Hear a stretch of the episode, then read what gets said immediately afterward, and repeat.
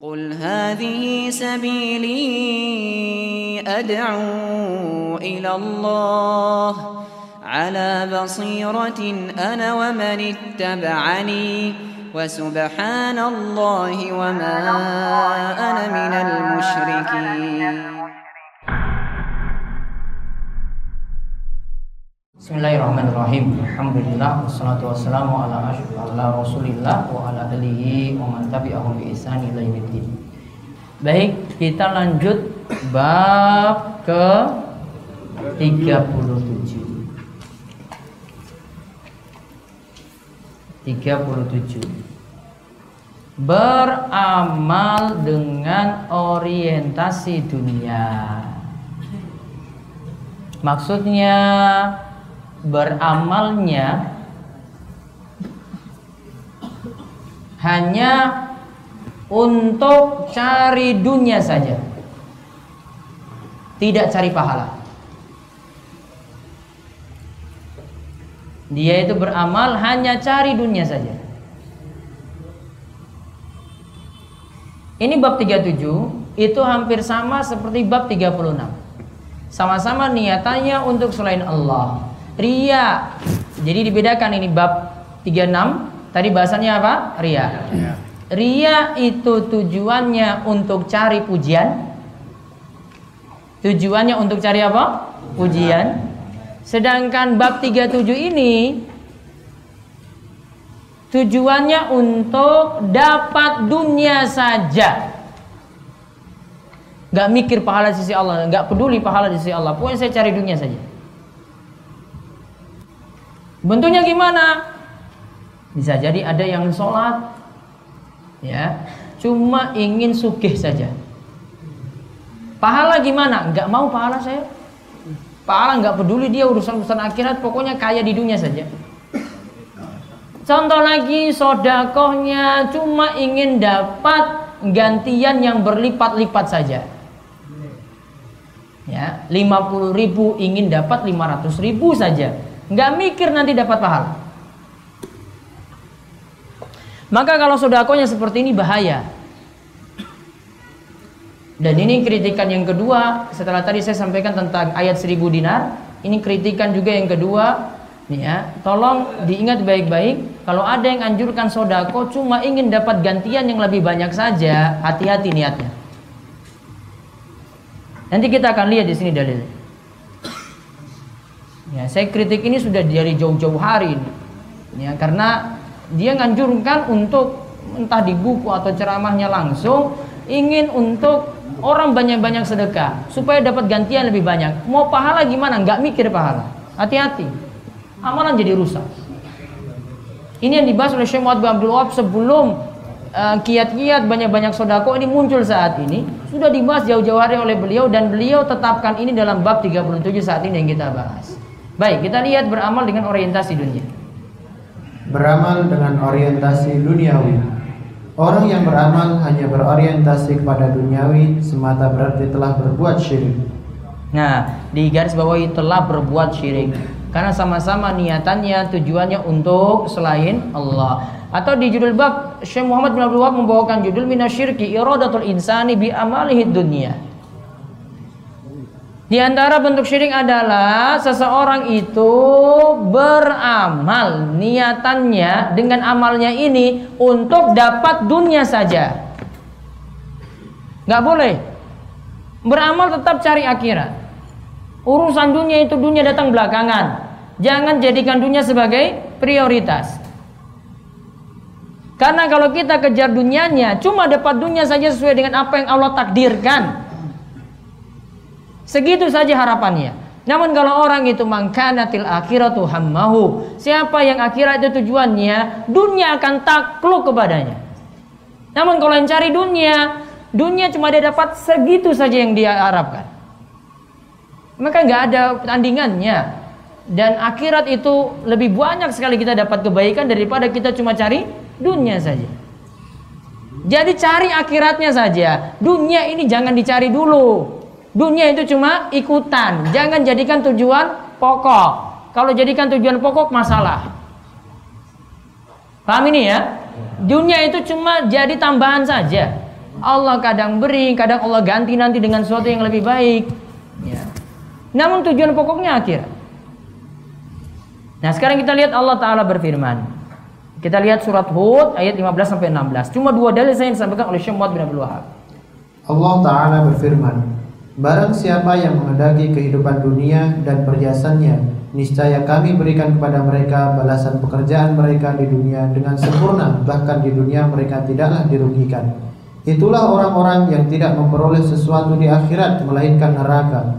Segala yang telah mereka usahakan di dunia akan lenyap dan sia-sialah segala yang mereka kerjakan. Makana yuridul hayatad dunya wa zinataha. Siapa saja yang mencari kehidupan dunia dan perhiasannya, nuwafi ilaihim. Kami akan beri kepada mereka. Kalau dia cuma cari dunia berarti Allah akan beri. Dia mau kaya gara-gara amalan ini diberi enggak? Beri. Namun lihat kalimat selanjutnya, wahum fiha la yubkhasun. Namun dia di dunia mereka tidaklah dirugikan. Itulah ya mereka di dunia tidaklah dirugikan. Jadi tidak dapat rugi. Artinya dia cari dunia dapat dun dunia. Terus fil akhirati Namun di akhirat yang dia dapat itu neraka. Wa habita Amalannya jadi terhapus ya wa habita masanahu fiha wa batilun amalannya jadi batil makanu ya'malun apa yang telah dia lakukan dari amalan-amalan tadi jadi sia-sia dunia dapat nggak berarti dapat atau tidak dunianya dapat namun dunia itu hina cuma dapat dunia saja jadi kalau dia incar tadi 50 ribu dapat 500 ribu berarti cuma dapat 500 ribu saja di akhirat tidak dapat apa-apa Malah dibalas ini, dikatakan di sini balasannya cuma neraka saja. Karena sudah niatannya tidak ikhlas karena Allah. Cuma incar itu saja. Dunia hina loh. Banyak celaan itu Allah tujukan tuh pada dunia, pada harta, pada dunia. Kaitannya semuanya dengan dunia. Sedangkan akhirat itu tidak pernah Allah celah. Kita kok kejar-kejar dunia terus melupakan akhirat. Lalu dalil yang berikutnya lagi. Nah ini bulu dalil ini yang sangat jelas sekali nantinya dalam Sahih Bukhari. Dalam Sahih Bukhari dari Abu Hurairah radhiyallahu anhu, dia menuturkan bahwa Rasulullah shallallahu alaihi wasallam bersabda, "Celakalah hamba dinar, celakalah hamba dirham, celakalah hamba khamisah dan celakalah hamba khamilah. Jika diberi, hatinya senang, tapi jika tidak diberi, hatinya marah. Celakalah dia dan semoga urusannya semakin dipersulit." Apabila dia tertusuk duri, semoga tidak bisa mencabutnya. Berbahagialah orang yang memacu kudanya untuk berjihad di jalan Allah. Rambutnya lusuh dan kedua kakinya penuh dengan debu. Jika dia ditugaskan di pos penjagaan, maka dia pun berjaga di pos tersebut. Jika dia ditugaskan di garis belakang, dia pun tetap setia di garis belakang. Jika dia meminta izin untuk bertemu pemimpin, maka tidak diberi izin. Jika dia bertindak sebagai perantara untuk bertemu dengan pemimpin, maka dia tidak diakui. Nah, lihat. Kalau dari ayat tadi, barang siapa di garis bawahi tadi, barang siapa yang menghendaki kehidupan dunia dan perhiasannya. Sampai pada kalimat niscaya kami berikan kepada mereka balasan pekerjaan mereka di dunia dengan sempurna. Berarti cuma dapat dunia saja. Nah sekarang pada hadis dari Abu Hurairah, Ta'isa Abdul Dinar, Ta'isa Abdul Dirham, Ta'isa Abdul Khamisa, Ta'isa Abdul Khamila. Khamisa dan Khamila itu artinya jenis pakaian. Kita kalau terjemahkan, celakalah budak uang. Berarti dia itu beramal cuma gara-gara kejar dunia saja. Celakalah hamba dinar. Dinar itu mata uang. Celakalah hamba dirham. Dirham itu adalah mata uang. Kita terjemahkan celakalah budak dunia. Entah dia cari uang atau entah dia cari pakaian. Khomilah dan khomisah. Berarti bahasa bebasnya apa? Celakalah budak dunia. Apa-apa tujuannya untuk dunia saja dia kerja. Untuk dunia saja dia beramal. Apa sifatnya? Ini sifatnya lihat. In u'tiya wa illam. Di garis bawahi. Jika diberi hatinya senang, tapi jika tidak diberi hatinya marah. Sifatnya itu budak dunia. Dia sodako 50 ribu, dapat ganti dia senang 500 ribu. Tidak diganti, protes. Kok saya sudah nyumbang 50 ribu, kok orang ganti? Niatannya berarti cuma cari dunia saja. Itu tandanya budak dunia. Ya, dihambakan dia jadi hambanya dun dunia. Jadi budak dunia, suatu celaan karena dikatakan ta'isa. Hidupnya cuma untuk dunia saja. Sholatnya pun untuk dunia. Kesehariannya pun untuk dunia saja. Lalu celakalah dia dan semoga urusannya semakin dipersulit. Malah urusannya tambah sulit. Apabila dia tertusuk duri, didoakan jelek lagi, mudah-mudahan nggak kecabut. Ini doa jelek loh berarti dari kanjeng Nabi. Ini sudah doa jelek ini. Di awal sudah dikatakan budak dunia, Kemudian tambah doa jelek lagi terakhir. Ya ada berikutnya tentang keutamaan orang yang berjihad di jalan Allah dia jaga pos penjagaan. Apa pun dia ridhoi, mau taruh di depan, mau taruh di belakang dia ridho. Cari ridhonya Allah ketika itu. Maka kesimpulannya berarti yang dibahas dalam bab ini orang yang beramal ingat ya cuma cari dunia saja. Kita tidak bahas kalau dia ada tambahan, namun tujuannya cuma cari dunia saja, maka telah berbuat syirik. Namun ada amalan-amalan misalnya man ahabba ayub satallahu fi rizki wa, wa ayun sa'alahu fi atharihi falyasil rahimah. Kata Nabi SAW siapa yang mau ditambahkan rizkinya ya, dan dipanjangkan umurnya maka jalinlah hubungan kerabat. Karena ada janji di sini ya. Ya, ada janji di sini. Maka kalau itu yang kita kejar, ada dalilnya gak masalah. Namun tetap silaturahmi lakukan normal saja biasa. Allah panjangkan umur, alhamdulillah. Allah berkahi umur kita, alhamdulillah. Allah tambahkan rizki, alhamdulillah. Namun jangan itu jadikan tujuan pokoknya. Namun di sini tidak tercela berarti dia cari, karena sudah dijanjikan. Karena sudah dijanjikan. Juga tidak masalah bapak-bapak, ibu-ibu berdoa minta dunia.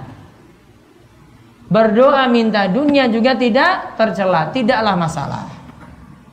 Gak apa-apa, minta untuk keberkahan anak, minta untuk dipanjangkan umur gak masalah. Namun ingat, jangan cuma minta dunia saja. Perhatikan juga akhirat.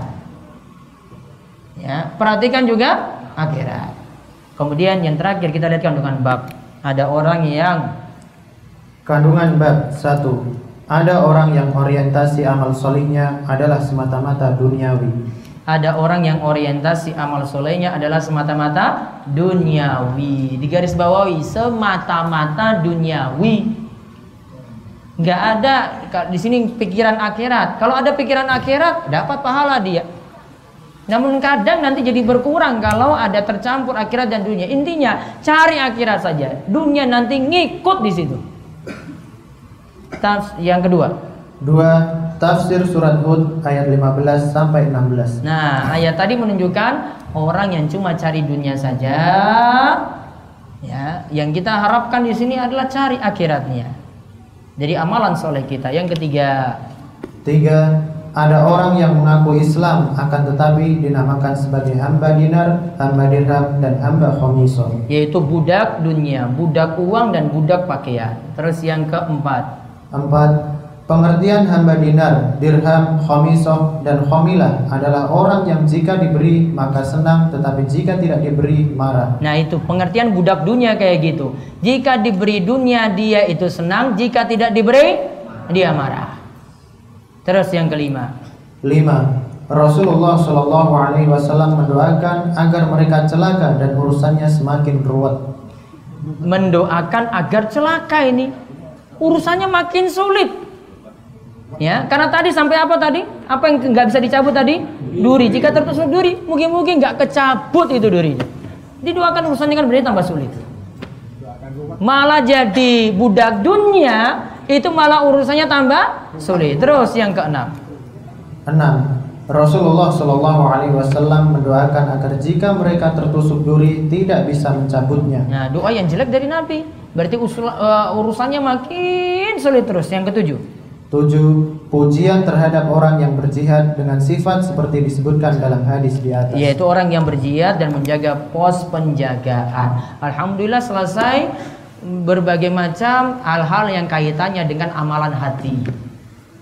Kita sudah bahas cinta kepada Allah, takut kepada Allah, tawakal kepada Allah, kemudian merasa aman dari siksa Allah, uh, terputus dari rahmat Allah, berputus asa dari rahmat Allah, kemudian tadi masalah ria dan beramal karena orientasi dunia. Besok baru kita bahas yang kaitannya dengan amalan-amalan yang lainnya lagi. Insya Allah. Ya, besok mulai jam 6 pagi. Ya, jam 6 pagi. Pas tanggal apa tuh tanggal merah? Nah, tanggal merah jam 6 sampai jam setengah 8 baru sarapan, baru lanjut lagi sampai siang, lanjut lagi sampai sore, lanjut terus sampai nah gitu. Tapi saya bahas dulu ini. Kalau nggak selesai kita bahas besok. Sampai setengah enam aja. Ana pernah membaca hadis yang diriwayatkan oleh Imam oleh Ibnu Abbas radhiyallahu anhuma bahwa pada suatu hari Rasulullah SAW pernah bertemu iblis dan bertanya berapa banyak dari umatku yang menjadi musuh-musuhmu? Iblis menjawab engkau Muhammad sebab aku benci kepada kepadamu Ulama yang mengamalkan ilmunya, pemimpin atau imam yang adil, orang yang memahami Al-Quran dan mengamalkannya dan lain-lain. Bagaimana kualitas hadis tersebut? Coba nanti tunjukkan bahasa Arabnya. Saya belum apa pernah meneliti hadis ini. Jika sebuah tempat ibadah itu telah maklum dinamakan masjid, tetapi masjid tersebut tidak pernah digunakan untuk sholat Jumat, berarti musola biasa kita sebut nih. Bagaimana dengan hal tersebut Ustadz? Berarti dia diperuntukkan untuk sholat lima waktu saja. Ya, nanti untuk Jumatan mungkin digabungkan agar jamaahnya lebih banyak maka digabung dengan masjid yang lain. Boleh seperti itu. Mengapa kajian sunnah sering disebut wahabi dan wahabi mendapat stigma yang kurang baik? Di manakah adanya distorsi informasi tersebut? Ya biasa orang-orang yang gak senang. Beda pendapat karena beda pendapatan. Itu saja sudahlah urusan dunia saja, urusan perut. Ya, kalau bukan urusan perut insya Allah diterima itu dengan mudah. Ya, ini karena masalah urusan perut. Sudah itu saja capek ngurus-ngurus orang. Bagaimana cara membedakan ujian dengan azab Allah? Ujian itu untuk orang beriman, azab itu untuk orang yang gemar maksiat. Bagaimana cara membedakan nikmat yang sesungguhnya adalah istidraj? Kok kita maksiat terus, kok malah dapat nikmat terus? Itu contohnya. Misalkan amalannya untuk dunia. Misalkan minta kepada Allah usahanya berhasil dan niatnya kalau berhasil untuk sodako. Kalau ini yang kita maksud gini loh, kamu sholat cuma ingin dapat balasan dunia saja. Itu. Kamu sodako cuma ingin dapat sodakonya saja ini diganti nanti dengan rezeki yang banyak. Gak mau pahala-pahala. Gak peduli akhirat pokoknya. Cuma dunia saja. Itu yang tercela tadi. Doa di balik ini tentu ada tuntunan ataukah tidak? Allahumma inni as'aluka husnal khotimah. Ini doa yang dibuat sendiri, boleh diamalkan. Maknanya benar. Allahum Allahumma rzuqni taubatan nasuha qoblal maut. Ini juga doanya benar. Ya. Allahumma ya muqallibal qulub sabit qalbi ala dinik. Ini doanya dari Nabi SAW. Hadisnya dari Ummu Salamah.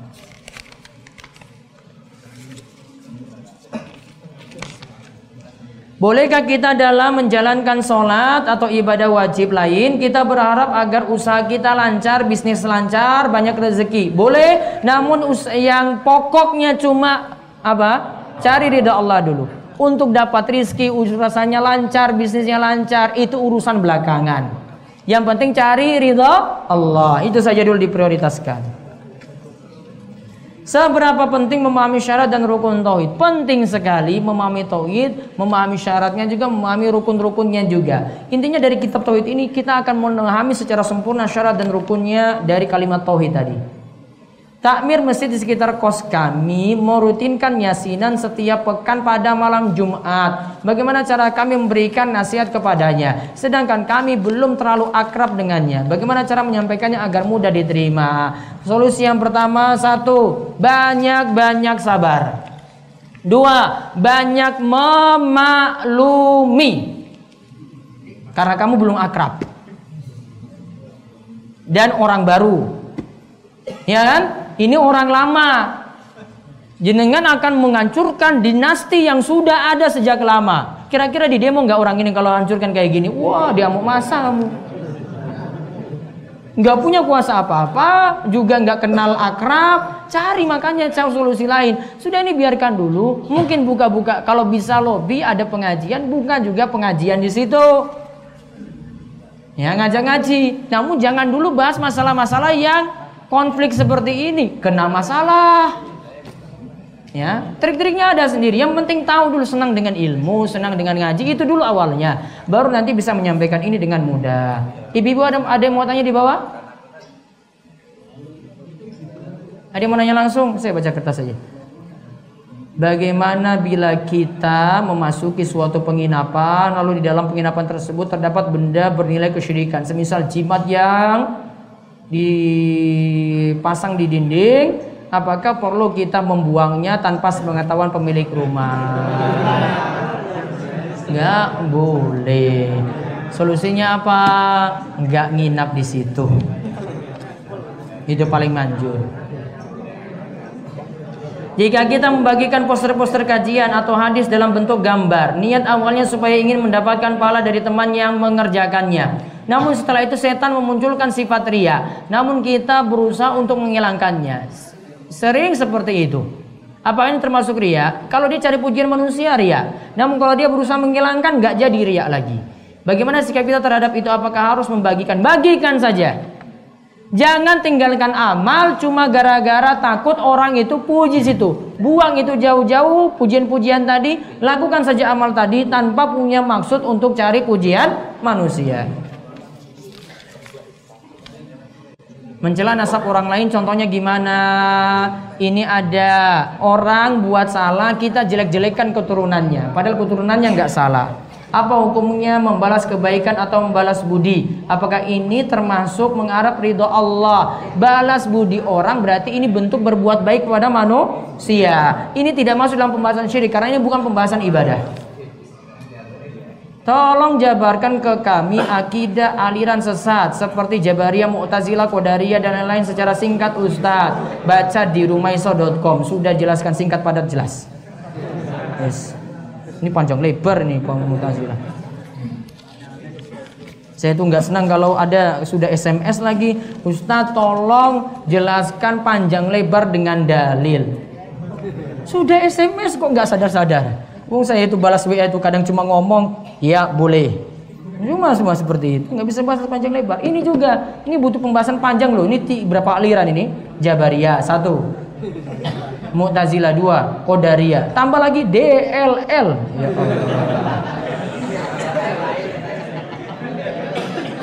Allah. tidak menguji seorang hamba kecuali dalam kesanggupannya. Contoh ujian yang di luar kesanggupan bagaimana? Nggak mungkin seorang hamba diuji dari keluar kemampuannya. Kalau imannya makin tinggi, ujiannya makin berat. Imannya biasa-biasa saja, maka ujiannya begitu-gitu juga.